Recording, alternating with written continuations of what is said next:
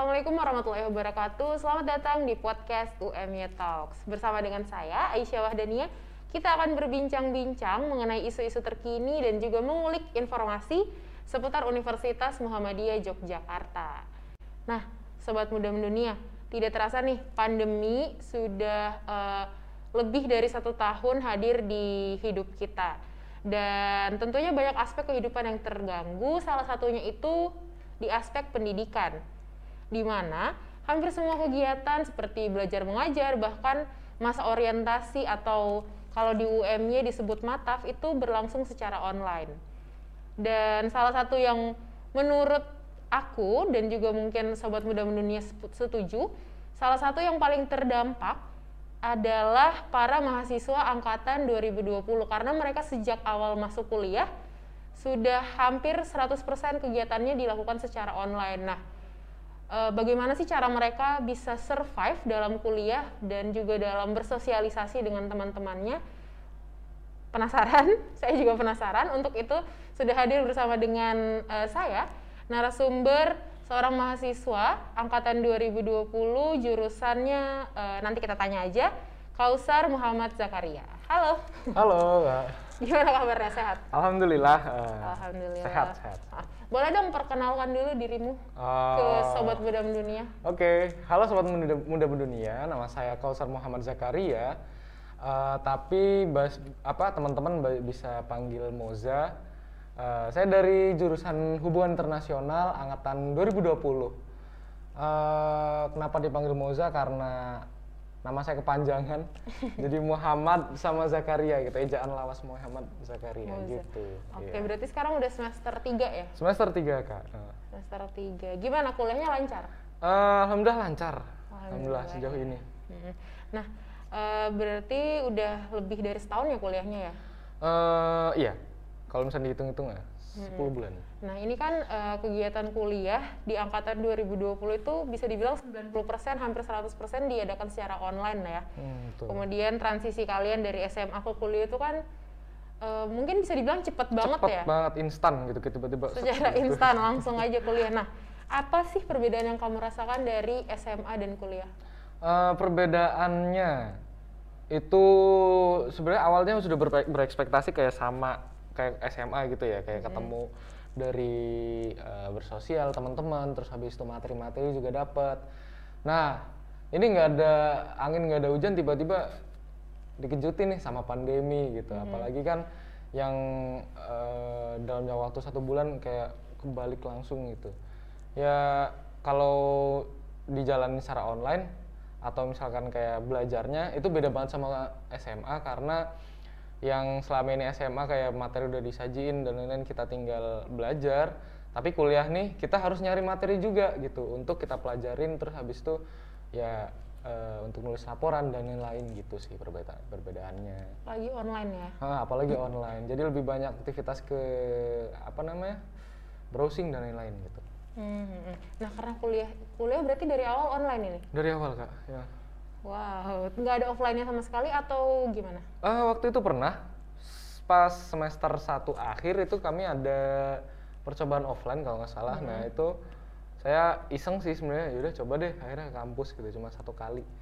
Uh, perasaannya ya sesuai ekspektasi gitu. Oh gini toh gitu. Tapi kenapa sih cuma uji coba? Ya, pengennya sih pengen offline segera mungkin gitu. Cuman ya Kondisi ya. kondisinya kayak gini gitu. Tapi alhamdulillah enak. Hmm. Karena perkuliahannya hampir 100% online dan ketemu teman-temannya juga online ya berarti iya. ya. Nah, ada nggak kesulitan yang kamu alami? Kesulitan uh, dalam hal apa kak? Dalam hal kuliah, kuliah deh. Dalam hal belajar kuliah. kalau bisa.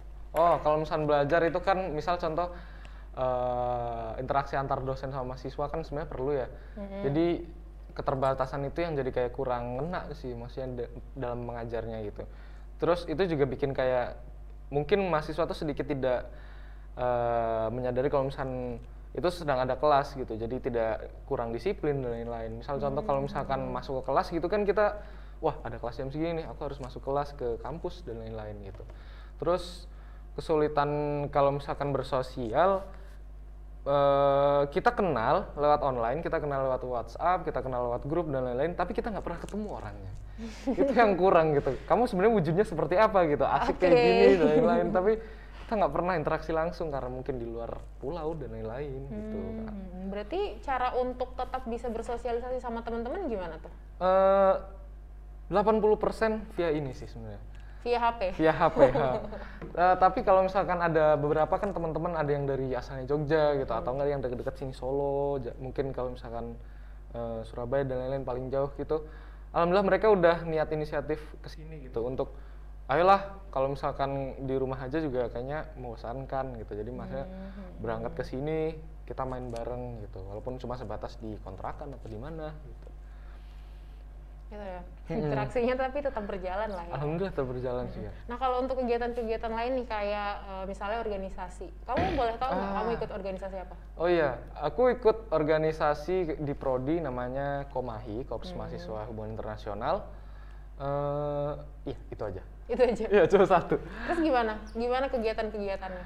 Eh, yang udah terlaksana, ada beberapa kegiatan yang dilaksanakan secara offline, ada juga yang online. Jadi mungkin perbandingannya hmm, 70-30 lah. Yang offline itu kami waktu itu pernah eh, bakti sosial, bagi-bagi kayak makanan kayak gitu waktu pas bulan Ramadan.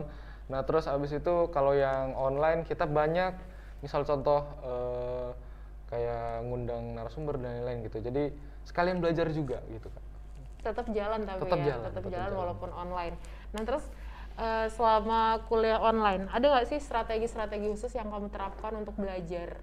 Strategi untuk belajar hmm, mungkin lebih ke manajemen waktu sih ya kak. ya. Manajemen waktu ya? Heeh, karena kebanyakan 80% waktu kita ada di rumah karena disuruh stay at home dan kegiatan belajar mengajar sekarang 100% via ini via device gitu. Jadi pinter-pinter kayak ngatur waktu buat kapan istirahat, kapan harus mengerjakan sesuatu gitu. Karena yang saya rasa dengan adanya work eh work at home, stay at home terus habis itu School from Iya, school from apa sih? Study at home ya berarti ya. from home. itu jadi lebih banyak tugasnya kalau saya rasa sih. Hmm. Mungkin seharusnya kalau misalkan kita offline, kita bisa offline itu tugasnya tuh lebih ke interaksi sama dosen atau enggak kelas gitu. Nah, harus bagi waktu buat kapan saatnya waktu organisasi, kapan Hmm. waktunya eh, nugas, kapan waktunya untuk main-main, misal main game dan lain-lain gitu juga. Ya, nggak bisa dipungkiri sih. Eh kadang males kadang apa gitu. Karena ya itu tadi kedisiplinan itu sebenarnya harus didongkrak gitu. Karena ada kondisi kayak gini jadi jangan bukan berarti kita stay di rumah. males-malesan gitu tetap di eh, kasur dan lain-lain rebahan. Ya harus aktivitas harus ayolah gitu. Kita bisa ngatasin ini. Berarti harus tetap ini ya manajemen waktu sih ya yang Nah, penting. Karena iya. kan eh, ketika semuanya online kita dituntut untuk eh, mengatur semuanya sendiri ya. iya betul Tidak ada tuntutan untuk ini untuk itu jadi ya gimana pinter-pinternya kita aja. Hmm. nah terus eh, untuk eh, berorganisasi, kamu ada kesulitan nggak sih online? Eh, jujur ada, ada kak. Karena organisasi itu kan sebenarnya tujuannya untuk menyatukan apa ya, eh, visi, menyatukan kayak cari temen juga gitu loh. Hmm.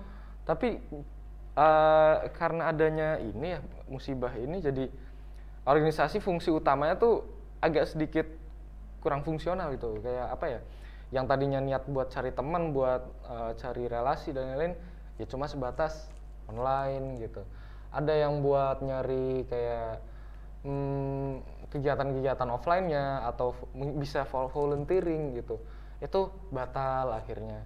Atau misalkan ada yang mau karena di HI ya, HI kan ada eh, program mungkin exchange dan lain-lain, itu juga harus kita relakan gitu, harus ikhlas buat ya udahlah offline apa online aja gitu, nggak bisa offline gitu. Jadi cukup disesali sih, cuman ya gimana lagi harus dihadapi dengan senang hati gitu. Jadi solusinya ya kalau misalkan emang kehambat, kita harus memanfaatkan sebaik-baiknya. Ada kesempatan apa, kita harus manfaatin, kita harus suksesin gitu. Entah offline maupun online gitu kan. Ya mau gimana lagi ya Iya, kondisi gimana lagi kondisi. sih. Heeh. Nah terus kamu, aku penasaran deh, kamu kenapa pengen kuliah di UMY? Wah, wah itu cerita panjang. Eh, gimana ya? Mungkin bisa karena mungkin dari eh, orang tua sih. Ibu, ibu saya tuh dosen di Universitas Muhammadiyah Purwokerto, saya asal Purwokerto. Hmm. Eh, terus ada banyak keluarga juga dari anggota keluarga udah di sini gitu kak. Jadi ada sepupu, ada saudara gitu. Hmm, Jadi istilahnya udah teruji lah ya. Heeh, gitu 2000 dari 2008 kalau nggak salah. Jadi terus juga saya rasa oh ini bagus juga sih. Wah ini maksudnya ya paling bagus nasional juga terus kata keluarga besar juga disaranin di sini ya oke lah gitu. Akhirnya gas berangkat. Gak seberangkat. Gitu. Tapi nyampe sini malah online. Saya online. Tapi nggak apa-apa Ya. sih. Yang penting kan eh, esensi untuk belajarnya tetap dapat dari nah diri itu dia, sendiri. ya benar-benar. Nah, Nah, kalau dibandingin kuliah online sama offline, kamu lebih prefer mana? Kalau kuliah offline atau online, lebih milih offline lah jelas. Kenapa? Eh, karena sekarang kita kebanyakan online jadi beli offline nanti mungkin offline kebanyakannya jadi online lagi nggak ding mungkin karena lebih ke materi sih Eh, aku tuh ngerasa kayak selama ini yang aku pelajarin tuh nggak maksimal masuk ke sini gitu kak. Maksudnya butuh effort lebih lagi daripada yang diajarin dosen gitu. Misal kayak dikasih referensi apa gitu. Ini ya dan lain-lain gitu. Terus atau enggak dosen jelasin apa. Eh, kita tuh harus bener-bener kalau nggak merhatiin banget ya nggak akan dapat esensi dari materi tersebut gitu. Jadi kita harus eh, survei lagi cari jurnal lain lagi gitu. Dan ekspektasiku kalau misalkan offline gitu kan di dalam kelas bisa tanya bisa langsung apa gitu. Meskipun di online bisa tanya juga tapi kalau misalkan di offline tuh ngerasa kayak ini loh beneran belajar gitu. Nggak kalau misalkan misal online kayak cenderung dengerin orang ngomong doang gitu terus jadi eh mau ngomong apa ya kayak gini ya tadi bisa lupa lagi dan lain-lain. Fokusnya itu juga beda gitu. Itu yang bedanya offline sama online yang kayak gitu sih. Jadi mungkin lebih prefer offline. Terus temen juga ketemu temen-temen. Itu sih yang Nah, kalau dari tadi kan kita udah ngomongin kesulitan-kesulitannya. iya nih. nih Nah, kalau keuntungannya sendiri dari kuliah online, ada nggak yang kamu rasakan? Kayak mungkin jadi lebih bebas atau gimana? Ya, keuntungan jelas ada dan mungkin lebih ke arah yang agak-agak ya gitu. Maksudnya ya itu tadi waktu di awal udah menyebutin kayak agak males gitu. Memang emang agak males sih mager dan lain karena ah, ngapain gitu. Tapi sebenarnya itu tuh ha- bi- harus harusnya tuh jangan di apa ya, jangan, Jangan dikembangkan, jangan dibiarin. Kalau misalnya keuntungan mm, nggak ribet satu, nggak perlu jauh-jauh kampus atau nggak perlu misal yang dari rumah gitu kan. Hmm, dari rumah ya, nggak perlu ngeluarin biaya-biaya mahal buat ke Jogja atau ke mana lagi gitu. Jadi cukup dengan device ada jaringan internet udah. Cukup ya. Nah, cukup kayak gitu sesimpel itu. Cuman di sini ada beberapa tipe orang yang nggak bisa belajar dengan cara itu kan kak Hmm, itu sih oke. yang Cara belajar orang beda-beda. Oh, kalau kamu cara belajarnya gimana? Nah kalau jujur aja aku lebih cenderung ke offline sih. Ketemu orangnya, maksudnya ketemu dosennya, Ngobrol ketemu ya? materinya dan ngobrol gitu. Jadi lebih nyambung, lebih masuk. Hmm. Nah, terus tadi keuntungannya apa? Keuntungannya, nah itu keuntungannya hemat. Hemat ya. keuntungannya dan simple gitu. Lebih simpel Cuma ya. set buka, ketik-ketik, nggak usah pindah ke mana-mana gitu. Yang penting fokus ini, nah itu jauh lebih simpel gitu. Nggak usah perlu nyari dosen ke sana sini gitu. Dan bisa dilakuin di mana aja. ya? Nah betul, bisa di karena kafe, platform, bisa di ya, karena platformnya belajar UMY juga kan diaksesnya mudah ya. Nah iya bener. Hmm, KRS, My Class dan lain-lain mantap sih. Aku salut. Nggak jujur aja kak. Heeh. Terus nah, kamu ini kan selam, berarti dari Purwokerto ke Jogja Hmm. udah satu tahunan ya Dari September. dari September Oh. Terus eh, gimana kehidupan di sekitar kampus di UMY sendiri? Waktu awal-awal tuh saya bener-bener nggak apa ya nggak tur kampus sama sekali kak. Mungkin mungkin jadi ini ya saya datang ke sini tadi Pak gedung E yang mana ya gitu. Padahal gedung Visipol. padahal gedung Visipol, padahal gedung HI sendiri gitu. Jadi apa ya? Ya mungkin kalau misalkan untuk maba-maba 2021 eh, aku saranin buat tur kampus deh gitu daripada tanya kakaknya kakaknya juga nggak tahu 2020 ini kampus ini ruangan di mana dan lain-lain gitu. Terus waktu pas awal-awal kan karena aku asrama mahasiswa juga kan kak, Unires gitu. Jadi eh, di situ kayak lebih ke karena karena itu ada programnya sendiri gitu. Jadi aku ada fokus ke program asrama mahasiswa itu tentang keagamaan dan lain-lain. Tapi kalau misalnya ke kampus itu cuma sekali dua kali dan nggak explore ke seluruh kampusnya gitu loh. Nah, ini buat jadi pelajaran aja sih. Pelajaran aja. Terus gimana? Eh, kamu ada nggak sih ngerasain kayak kan selama pandemi ini nih UMY banyak eh, bisa dibilang turun tangan ya ke mahasiswa kayak misal bulan Ah, Ramadan oh iya, kemarin bener, bagi-bagi takjil. Nah itu kamu sempat ngerasain nggak? eh sempat dan jujur aja itu extraordinary banget sih. Maksudnya jarang gitu kan yang mahasiswanya dikasih dalam bentuk kutip apa ya bantuan ya mungkin bisa bilang feedback gitu. Ada yang misal eh, uang jajannya habis dan itu itu bisa ngehemat banget sih jujur aja aku wah keren banget sih inovasi kayak ini ya sempet- berarti bulan Ramadan ya. iya gitu ya emang programnya untuk berbagi kan bulan Ramadan buat ya memperbanyak amal dan lain-lain. Ya aku juga bersyukur alhamdulillah sih eh, bisa ngadain- Terbantu lah ya. eh, terbantu bisa buat dibilang. mahasiswa mahasiswa apalagi waktu pas akhir akhir bulan gitu. Oke, itu tadi berarti kamu bisa dibilang eh, cukup banyak ya pengalamannya walaupun mungkin online. Hmm, iya dan cukup explore ya anaknya di kampus. loh. Iya, dan itu kalau misalkan nggak inisiatif sendiri gitu kayaknya nggak dapet gitu sih. Kayak misal contoh ikut UKM eh, atau misalkan ikut organisasi. Kalau misalkan nggak ikut organisasi di dalam kayak apa ya, aku pengen untuk ke kampus buat cari teman baru gitu. Jadi kita yang pengen jangan kita yang apa nungguin gitu. Nunggu dipanggil jangan ya. Bener. Harus-. Berarti emang kuliah offline ini sobat online ini sobat muda mendunia kita harus punya inisiatif yang tinggi ya. Nah, iya itu dia. bener bener bener. Itu Karena kalau nggak ada inisiatif siapa lagi gitu kalau bukan diri kita Hmm. yang mau ngajak kita. Nah terus nih, kamu kan udah semester tiga, Mau ketiga, mau ketiga ya berarti ya. Nah kamu ini nggak, misal nanti balik ke Purwokerto, ini nggak bakal kayak eh mengajak nggak kayak Ngajak buat kuliah di UMY? DM ya, iya. Oh. Ah, tentulah.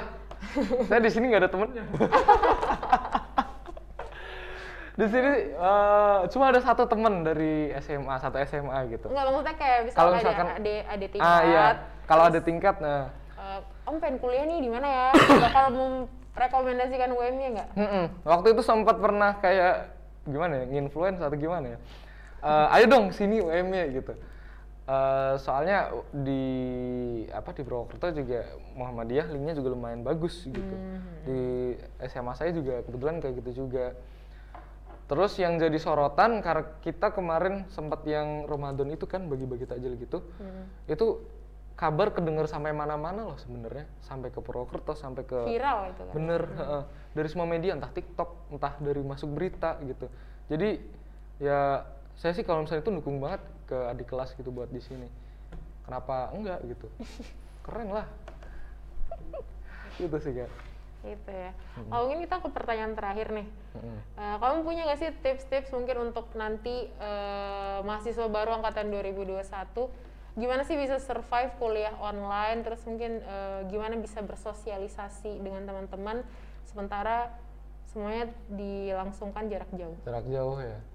Eh, tips yang pertama kalau misalkan bisa sebisa mungkin tur kampus itu utama. Terus habis itu siapin mental.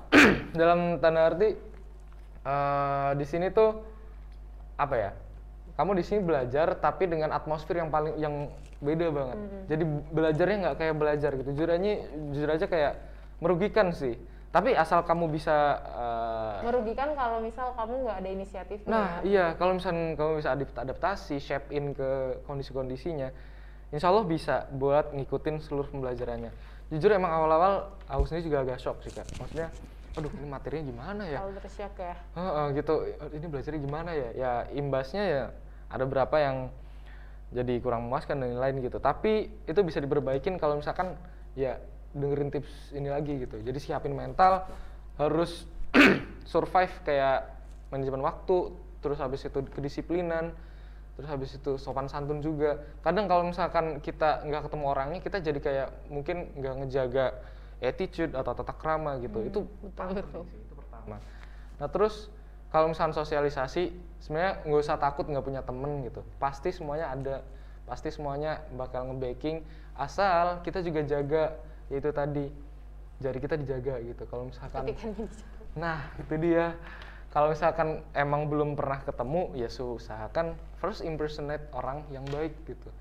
Kalau misalkan eh, nggak bisa apa ya, kayak entah so asik dan lain-lain gitu, ya mending baik diem lah kalau misalnya nggak bisa nyebarin kebaikan atau apa gitu. Kalau menurutku sih gitu apalagi ke dosen gitu. Latihan aja. Yang ya apa ya attitude itu nomor satu sih kalau menurutku. Terus apa lagi ya? Hmm, kenalin kampusmu sih dan usahain harus tur dulu. Kalau itu sih yang paling bingung juga nih saya nanti berarti kalau bisa aku simpulin nih tips dari kamu itu eh, inisiatif ya, Mm-mm. jangan nunggu orang lain deh, mending dari diri Mm-mm. sendiri aja karena ya siapa lagi yang mau ngajak kita kalau bukan Betul. diri kita sendiri. Terus eh, yang kedua kenalin kampus ya. Mm-mm. Jangan sampai kita nih kuliah di sini walaupun online kita nggak kenalin kampus kita sendiri sobat muda dunia. Tapi ya semoga kalau kita sih berharapnya semoga pandeminya cepat selesai dan amin amin. kegiatan belajar mengajarnya balik ke offline. Walaupun mungkin nanti tetap akan berbeda ya pasca pandemi ini pasti, Pasti sih. berbeda.